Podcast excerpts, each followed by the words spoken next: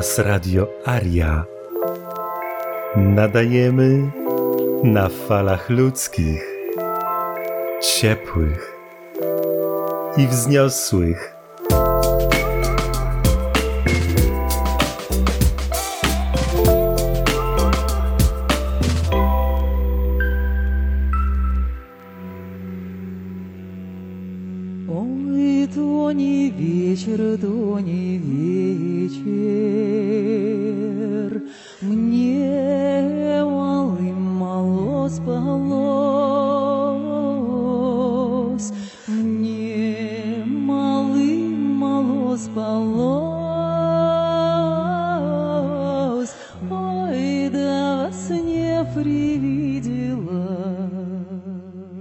Romuald Koperski, Pojedynek z Syberią.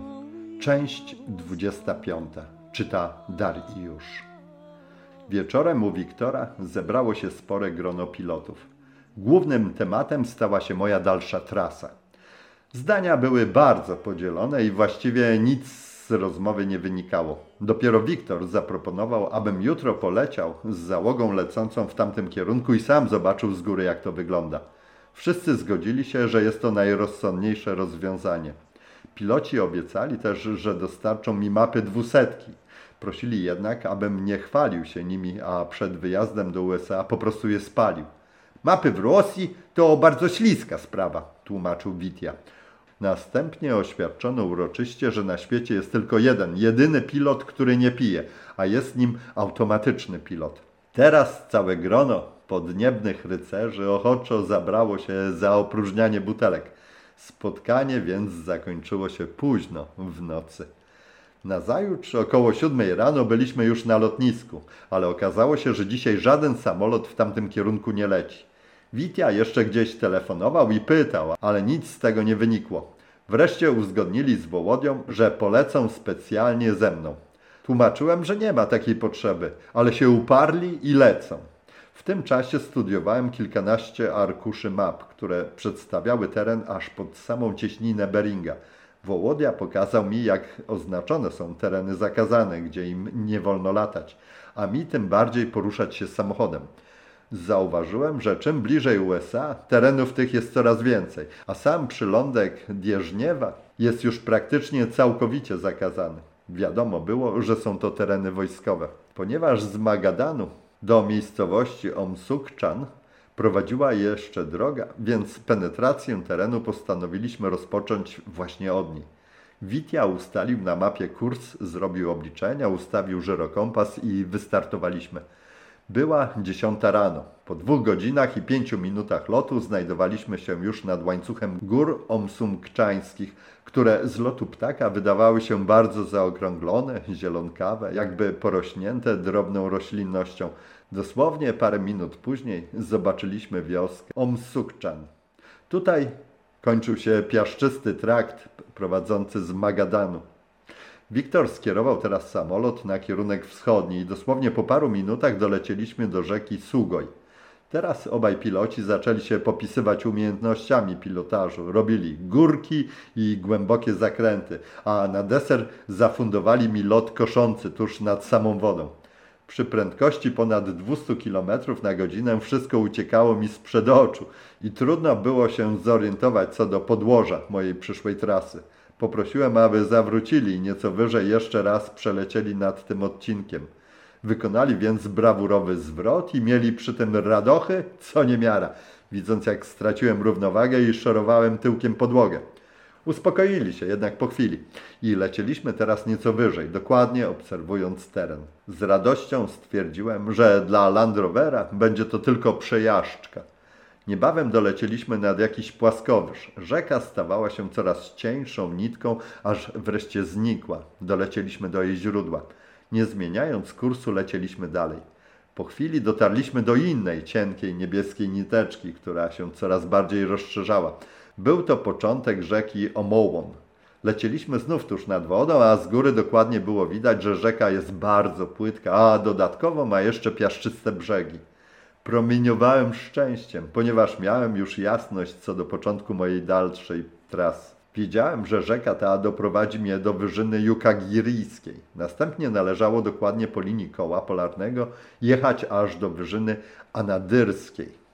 Co będzie dalej, już mnie w tej chwili nie interesowało. Jest rzeczą oczywistą, że nie mogłem prosić, aby przeleciano ze mną całą trasę, bo odległość tą szacowałem na 2500-3000 kilometrów. Ale i tak byłem bardzo wdzięczny, że Wiktor z Wołodią wyświadczyli mi tak wielką przysługę i pokazali z góry teren, po którym rozpocznę dalszą jazdę samochodem. Było mi dosyć głupio, bo nie miałem zielonego pojęcia, jak się mogę odwdzięczyć tym ludziom. Tym czasie wylądowaliśmy w miejscowości Łabaznaja. Oczywiście znano tutaj dobrze moich bohaterów. A ja oznaczałem na mapie swoją przyszłą trasę. Później zaproszono nas do jakiejś chaty, gdzie gościliśmy parę godzin. Przy pożegnaniu musiałem przysiąc, że zawitam ponownie u gospodarzy, kiedy znów będę przejeżdżał tędy Land Roverem. Wystartowaliśmy w drogę powrotną do Magadanu. Piloci stwierdzili, że przy okazji pokażą mi z lotu ptaka uroczy zalew Selichowa, więc powracaliśmy innym kursem. Pomiędzy wioską Łabaznaja a zalewem znajduje się pasiołek Kameszki. Tam rozpoczyna się pewna anomalia tego górzystego terenu, a mianowicie 100-kilometrowej długości szeroki pas tundry, który ciągnie się aż do samego morza. Właśnie przelatywaliśmy nad tundrą, która pozbawiona wysokiej roślinności wyglądała z góry jak ocean o zielonym kolorze wody. Lecieliśmy na wysokości około 150 metrów. Nagle Wołodia zauważył łosia idącego samotnie tundrą. Obaj piloci spojrzeli na siebie znacząco, po czym dodając gazu wykonali głęboki zakręt i lotem nurkowym skierowali samolot na idące jeszcze spokojnie zwierzę. Łoś, zauważywszy, co się święci, rzucił się w panice do ucieczki. Pikujący samolot był już coraz bliżej celu. Gdy zwierzę było już w odległości kilku metrów, Witia ściągnął wolant na siebie, a koła samolotu przelatywały w tym momencie tuż nad głową uciekającego w popłochu łosia. Po chwili piloci wykonali następny dowrót i ponownie celowali na uciekającą ofiarę. Uciechy mieli wszyscy co niemiara, ale jak to w przysłowiu mówiącym, że wszystko co dobre szybko się kończy, tak i teraz skończyło się szybko to niekonwencjonalne polowanie. Tak jak położenie tundry w tym rejonie było wybrykiem natury, tak sama tundra też miała swój element niecodzienności. Rosło na niej właśnie jedno, jedyne drzewo. Właśnie tego drzewa najmniej spodziewali się tutaj piloci. Podczas kolejnej próby przestraszenia zwierzęcia Wołodia zbyt późno je zauważył. Ściągnął natychmiast wolant na siebie, samolot ustawił się prawie w pionie, ale niestety nie zdołał już się wznieść wystarczająco wysoko i zawadził podwoziem o wierzchołek drzewa. Szarpnęło maszyną niesamowicie, a ja odniosłem wrażenie, że podwozie zostało na czubku modrzewia. Lecieliśmy jednak dalej. Wołodia wyszedł z kabiny, otworzył drzwi i przeprowadził oględziny. Na szczęście wszystko było w porządku i ciągnęliśmy tylko za sobą gałęzie pozaczepiane za koła. Zdarzenie to dostatecznie ostudziło krew obydwu myśliwym i teraz już grzecznie wracaliśmy do domu. W chwilę później nadlecieliśmy nad zalew. Chylące się ku zachodowi słońce dawało pozbawione fioletu światło, co sprawiało, że wszystko miało bardzo żywe i naturalne kolory. Po drodze wylądowaliśmy jeszcze na jakimś półwyspie, gdzie mieściła się duża baza rybacka. Piloci mieli tutaj swoich znajomych i do samolotu wrzucono kilkadziesiąt kilogramów różnych ryb. Witia drogą radiową przekazał na lotnisko, że za 15 minut będzie rozdawał ryby, zaznaczając, że ostatnia biorąca osoba będzie sprzątała samolot. Wieczorem poszliśmy jeszcze z Witią do dziada, który zaprosił mnie jutro na wycieczkę w tajgę. Musisz zobaczyć nasze niedźwiedzie, powiada. Program wycieczki był już ustalony, a skład czteroosobowy. Pietrow, Alosza, dziad i ja. O godzinie 6 rano mieliśmy spotkać się na lotnisku, skąd helikopterem przedostać się w górę rzeki Jany, a następnie jej prądem spłynąć pontonami w pobliże Magadanu, gdzie o 22 Witia miał na nas oczekiwać samochodem. Nie bardzo mi to odpowiadało, ponieważ chciałem już ruszać w dalszą drogę, ale okazało się, że dziad specjalnie dla mnie zorganizował tą eskapadę, więc nie wypadało odmówić. Jutro i tak nic nie załatwisz, bo jest święto. Miasto obchodzi swoje pięćdziesięciolecie, dodał. To Magadan ma tylko 55 lat? Zdziwiłem się. Ma o wiele mniej. Tylko 55 lat temu na tej ziemi postawił nogę pierwszy więzień i stąd wziął się ten jubileusz. Magadan jest nie bez racji nazwany stolicą Gułagu. Tu miał siedzibę słynny Dalstroj, organizacja zarządzająca gułagami na Kołymie. To miasto zbudowane jest na kościach, na kościach japońskich jeńców wojennych i naszych, stalinowskich więźniów. Tutaj spędziłem całą swoją młodość. Nazajutrz śmigłowiec Mi-17 wysadził nas na piaszczystym brzegu rzeki. Napompowaliśmy pontony i parami ruszyliśmy w dół rzeki. Ja płynęłem z dziadem. Rzeka nie była zbyt głęboka i miejscami trzeba było manewrować, aby nie rozpróć gumowego pontonu o kamienie. W tym rejonie żyje bardzo dużo niedźwiedzi, powiedział dziad. Teraz mają młode i trzeba uważać, bo mogą być agresywne. W dole rzeki jest ich trochę więcej i na pewno je zobaczymy. Zaraz ci pokażę, jak o tej porze roku można łowić tutaj ryby, powiedział dziad i skierował gumowe czółno w kierunku brzegu. Alosza i Pietrow płynęli za nami i też skierowali się do brzegu. Wyciągnęliśmy pontony na brzeg, a dziad polecił Aloszy, by rozpalił ogień. Skinął na mnie, bym poszedł za nim. Szliśmy chwilę wzdłuż brzegu, po czym dziad zatrzymał mnie ruchem ręki, sam wszedł do wody i zamaszystym ruchem nogi wykopał potężną rybę z wody. Widziałeś kiedyś coś takiego?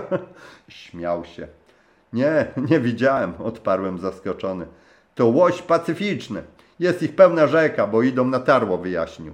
Chwycił umiejętnie żywą jeszcze rybę za skrzela i wróciliśmy do pozostałych. Pietrow zajął się rybą, a myśmy usiedli przy ognisku. Ludzie o tym świecie nie wiedzą prawie nic, filozofował dziad. Wiedza ludzka ogranicza się do tego, co można zobaczyć pod mikroskopem, co można zauważyć lub obliczyć. Weź na przykład tę rybę, powiedział, wskazując ręką na poćwiartowanego już łososia. Dlaczego ta ryba składa ikrę akurat w tej rzece, w której się urodziła? Skąd wie, że to akurat ta, a nie inna rzeka? Dlaczego tak jest, że tam, gdzie się urodziła, tam ginie? Po części znamy już odpowiedź na te pytania, ale w sumie nic nie wiemy, ciągnął. Swoją rzeczkę łososie poznają za pomocą węchu. Najmniejszy ciek wodny, choćby leżący blisko jeden drugiego, ma nieco odmienny zespół flory i fauny, dzięki czemu inny jest zapach wody.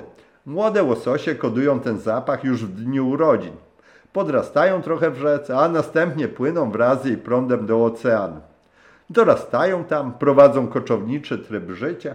W wieku 4-5 lat skupiają się wczesną wiosną w północnych rejonach Pacyfiku w duże ławice i ruszają na tarło, rozpoczynając tym samym swoją trasę śmierci, która wynosi czasami nawet 6 tysięcy kilometrów.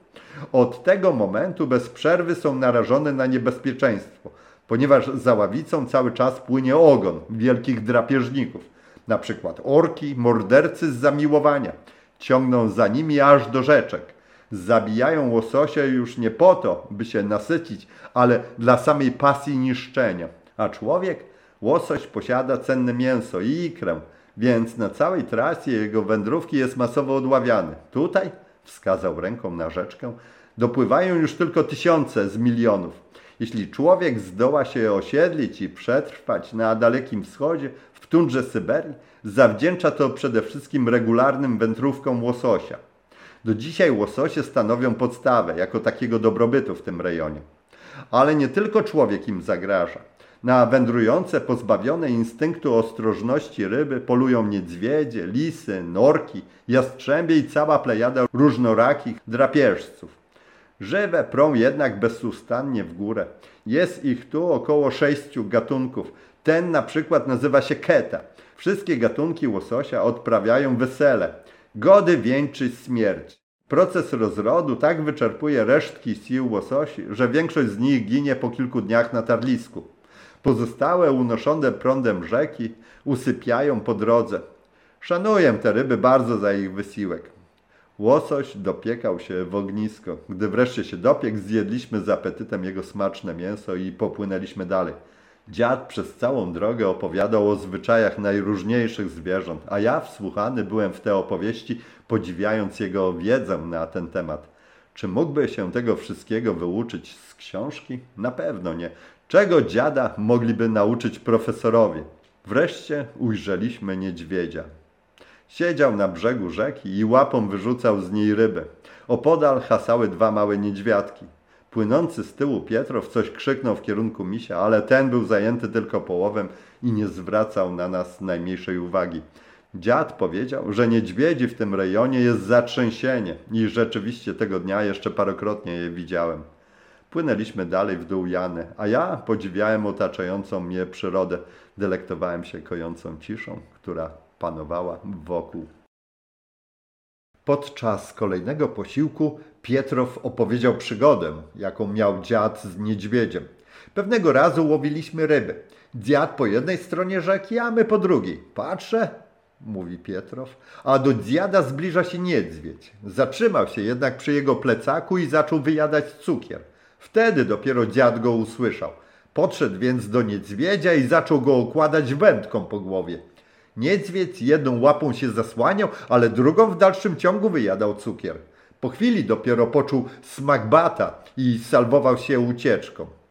Myślałem, że to kawał, ale później Witia, który był przy tym również obecny, potwierdził całe zdarzenie. Pod wieczór dopłynęliśmy do rybaków łowiących łososie. Mogłem więc z bliska przyjrzeć się połowowi. Ciągną sieci, coraz się jedna rwie, gdyż nawet najmocniejsze ustępują pod ciężarem zagarniętej masy. Ludzie tłuką kijami tłum kotłujących się królewskich ryb. Ogłuszone wrzucają czerpakami lub rękoma bezpośrednio na ciężarówkę stojącą na brzegu. Przyglądam się z bliska załadunkowi ryb. Ze zdziwieniem stwierdzam, że tylko mniejsza część całego zaciągu trafia na samochód. Pozostała wyrzucana jest między drzewa tajgi. Potrzebne są tylko samice, tłumaczy dziad, gdyż to one posiadają drogocenną ikrę. Reszta nie stanowi dla łowiących wartości. Wyrzucają, bo nie mają zabrażarek ani zaplecza przetwórstwa. Tutaj mięso świeżego łososia jest bezużytecznym odpadem produkcyjnym przy produkcji kawioru. Pomyśl tylko, jeden producent wyrzuca dziennie około 20 ton świeżej ryby, a w rejonie Magadanu producentów będzie ze 40. Okrąg jest przesycony takim towarem jak ryba, więc o jakiejkolwiek sprzedaży nie ma mowy. Brak dróg oraz odpowiedniego transportu wyklucza możliwość sprzedaży tej ryby w innym rejonie kraju. Zapytałem, czy wie o tym, że pod Susumanem ludzie umierają z zimna i głodu. O, nie tylko pod Susumanem, odpowiedział dziad. W tym kraju było tak zawsze. Same skrajności. W jednym miejscu ludzie umierają z głodu, a w innym żywność się po prostu wyrzuca. Był już wieczór, gdy dopłynęliśmy do ujścia rzeki, gdzie oczekiwał nas Witia. Ponieważ był to prawdopodobnie mój ostatni wieczór w Magadanie, członkowie klubu niesamowitych zorganizowali pożegnanie, na które zaproszono również Nikołaja Iwanowicza z małżonką oraz niektórych przedstawicieli prominencji magadańskiej. Miasto akurat dzisiaj obchodziło swój jubileusz, więc impreza nabrała bardzo uroczystego charakteru. Spotkanie zostało zorganizowane w jednej z sal miejscowego hotelu. Byłem pełen podziwu, jak starannie wszystko zostało przygotowane. Do dzisiaj jest dla mnie zagadką, dlaczego mnie tak goszczono w tym mieście, ponieważ robiono to naprawdę bezinteresownie. Również w tym wypadku nikt nie namawiał mnie na wspólne interesy, nie prosił o zaproszenie na zachód i nie wciskał mi karteczki ze swoim adresem, prosząc o przysłowiową widokówkę. Gościli mnie po prostu ze szczerego serca. Dosłownie wszyscy, których spotkałem na terenie Syberii, mieli osobowości i nie udawali nikogo. Jak było do przewidzenia, przyjęcie przyciągnęło się do późnych godzin nocnych. Gwoździem całej imprezy był mój koncert na fortepianie, który akurat przez przypadek stał na tej sali. Fortepian był jeszcze przedwojenny, a napis umieszczony na nim informował, że wyprodukowano go w Berlinie. Zapewnie stanowił zdobycz wojenną i jakimś zbiegiem okoliczności dostał się do Magadanu. Był jednak nastrojony i ogólnie był w dobrym stanie. Rosjanie nie mogli się nadziwić, skąd znam ich piosenki ludowe. Pytano mnie, czy aby nie urodziłem się w Rosji. Musiałem im wytłumaczyć, że jestem z zawodu muzykiem. Naukę gry na instrumencie rozpocząłem w piątym roku życia, a ponieważ pochodzę z rodziny o wieloletnich tradycjach muzycznych, melodie rosyjskie są mi znane już od wczesnych lat dzieciństwa. Wszyscy szczerze ubolewali, że już jutro wyjeżdżam, Otrzymałem liczne upominki, a właściciel telewizji komercyjnej wręczył mi oficjalnie podziękowanie za udział w programie wraz z poświadczeniem, że byłem Land Roverem w tym mieście. Zachowaj to, bo i tak nikt ci nie uwierzy, że aż tu dojechałeś, mówi, wręczając mi to oficjalne pismo. Podczas gdy żegnałem się z każdym z osobna, podszedł do mnie pewien pan i oświadczył, że jest lekarzem w tutejszym szpitalu i jego rodzina pochodzi z Polski. Dodał, że jest mu bardzo przyjemnie zobaczyć Polskę w mojej osobie. Był to chyba najpiękniejszy komplement, jaki kiedykolwiek usłyszałem. Nazajutrz w towarzystwie Witi przygotowywałem się do wyjazdu. Poczyniłem jeszcze niezbędne zakupy, sprawdziłem stan techniczny samochodu, zatankowałem paliwo i około południa byłem już gotowy do drogi. Przyjechał się pożegnać Nikołaj Iwanowicz.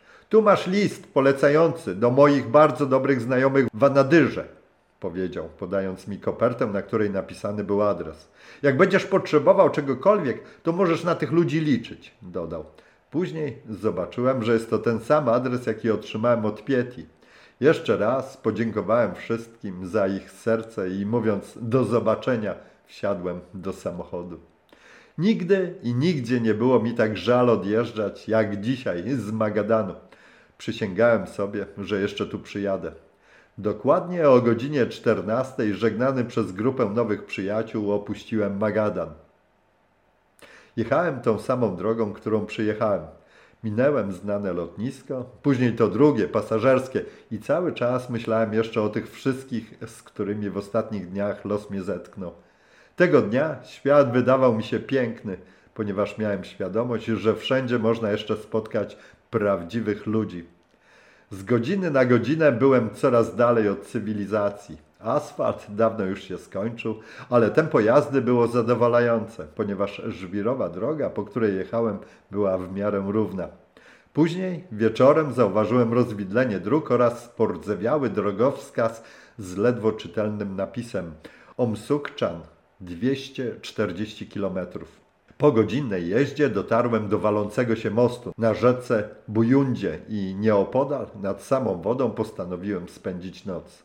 Znalazłem się ponownie na bezludziu, gdzie tylko płynąca rzeka mąciła ciszę nocy.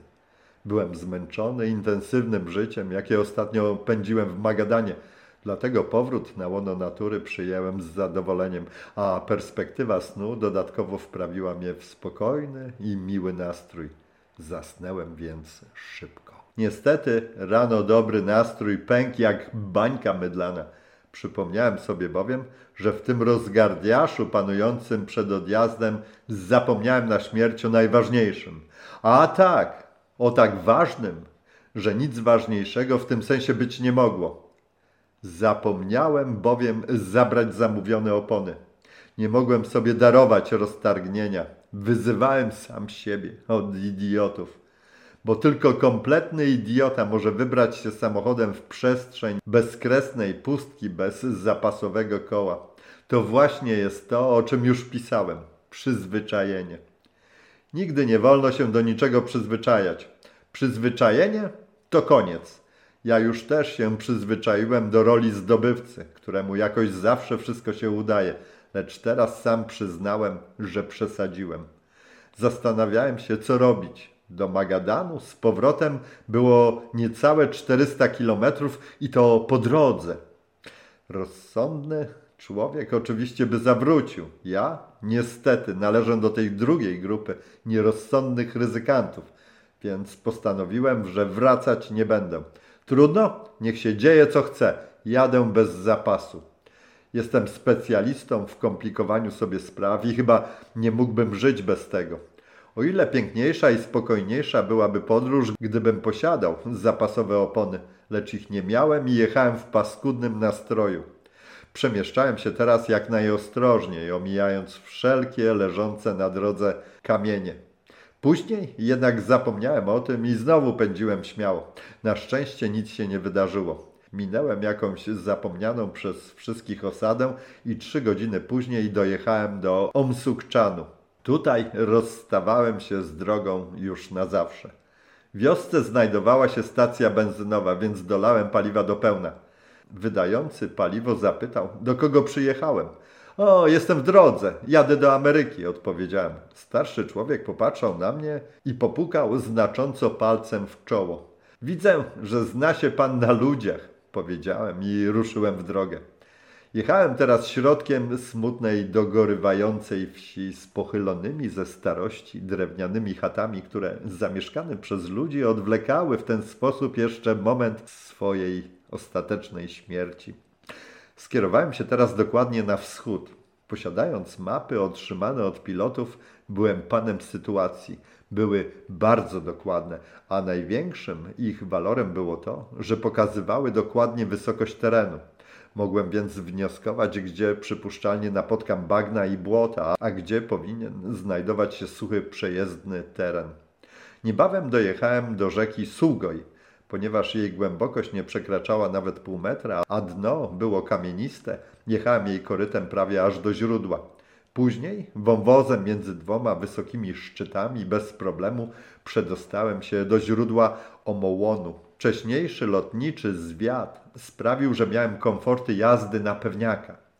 Przemieszczałem się teraz szeroką, rzeczną autostradą, która wiła się pomiędzy szczytami zaokrąglonych, porośniętych drobną zielenią gór. Rzeka była tak płytka, że z ledwością zakrywała drobne, okrągłe kamienie stanowiące jej dno. Z samolotu odnosiło się wrażenie, że jest o wiele głębsza. Gdzieniegdzie kamienie tworzyły duże, podłużne wyspy, pełne różnego rodzaju gałęzi naniesionych tu przez wodę. Ogólnie sceneria podobna do oglądanych na westernach. Bacznie rozglądałem się w nadziei, że ujrzę niedźwiedzie, ale nie spotkałem ani jednego. Może odgłos silnika je przepłoszył, a może ten teren nie był dla nich zbyt atrakcyjny. Rzeka Omołon nie jest połączona bezpośrednio z morzem, więc na pewno nie było tu łososi. Zależność tę tłumaczył mi już dziad, mówiąc, że tam, gdzie łosoś, tam niedźwiedź. W ciągu tych dwóch tygodni ani razu nie padał deszcz. Noce jednak stawały się już bardzo chłodne. Nazajutrz przed południem, kiedy spokojnie jechałem korytem rzeki, usłyszałem nagle narastający, gwałtownie przerażający hałas. Zgłupiałem, nie wiedząc co się dzieje. Automatycznie zdjąłem nogę z gazu i wtedy najpierw zobaczyłem cień, gwałtownie ogarniający wszystko, a później usłyszałem tuż nad głową przerażający ryk silnika. Byłem tak zaskoczony, że minęła dobra chwila, zanim zorientowałem się, że był to bardzo nisko przelatujący samolot. Domyśliłem się natychmiast, kto lubi tak nisko fruwać. Naturalnie byli to Wołodia i Witia. Samolot wykonał zakręt o 180 stopni, zniżył lot, po czym na tak bardzo małej wysokości, że kołami prawie dotykał wody, leciał prosto na mnie. Widząc, co się święci, odruchowo otworzyłem drzwi i wyskoczyłem, padając płasko w wodę. Samolot jeszcze dobrą chwilę utrzymywał wysokość, po czym tuż nad samochodem wzbił się gwałtownie w górę. Zauważyłem w kabinie uśmiechniętą twarz Bołodi. Stałem mokry po kolana w wodzie i cóż miałem robić? Też się śmiałem. Nadlecieli ponownie, tylko że znacznie wyżej.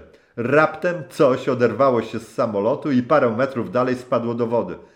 Podleciałem, patrzę, a to opona. Drugi dowrót samolotu, druga opona i tak dalej. Po czwartym razie posiadałem już wszystkie opony zapomniane przeze mnie w Magadanie. Obserwowałem jeszcze, jak piloci szukają dogodnego miejsca do lądowania. Niestety, teren był nieodpowiedni, ponieważ akurat znajdowałem się w wąwozie, a piaszczyste, szerokie brzegi rzeki nastroszone były dużymi głazami. Wykonali więc jeszcze jeden krąg, pomachali skrzydłami i odlecieli. Oj, jaka szkoda, że nie wylądowali, pomyślałem. Odwiedziny Wiktora i Wołodii miały jeszcze jeden ważny dla mnie aspekt, a mianowicie dały mi poczucie bezpieczeństwa. Pomimo, że byłem oddalony setki kilometrów od cywilizowanego świata, ktoś jednak myślał o mnie i wiedział, gdzie przypuszczalnie się znajduję. Ветер горы облетает, баю-бай. Над горами солнце тает, баю-бай. Листья шепчутся устало, баю-бай. Тихо яблоко упало, баю-бай.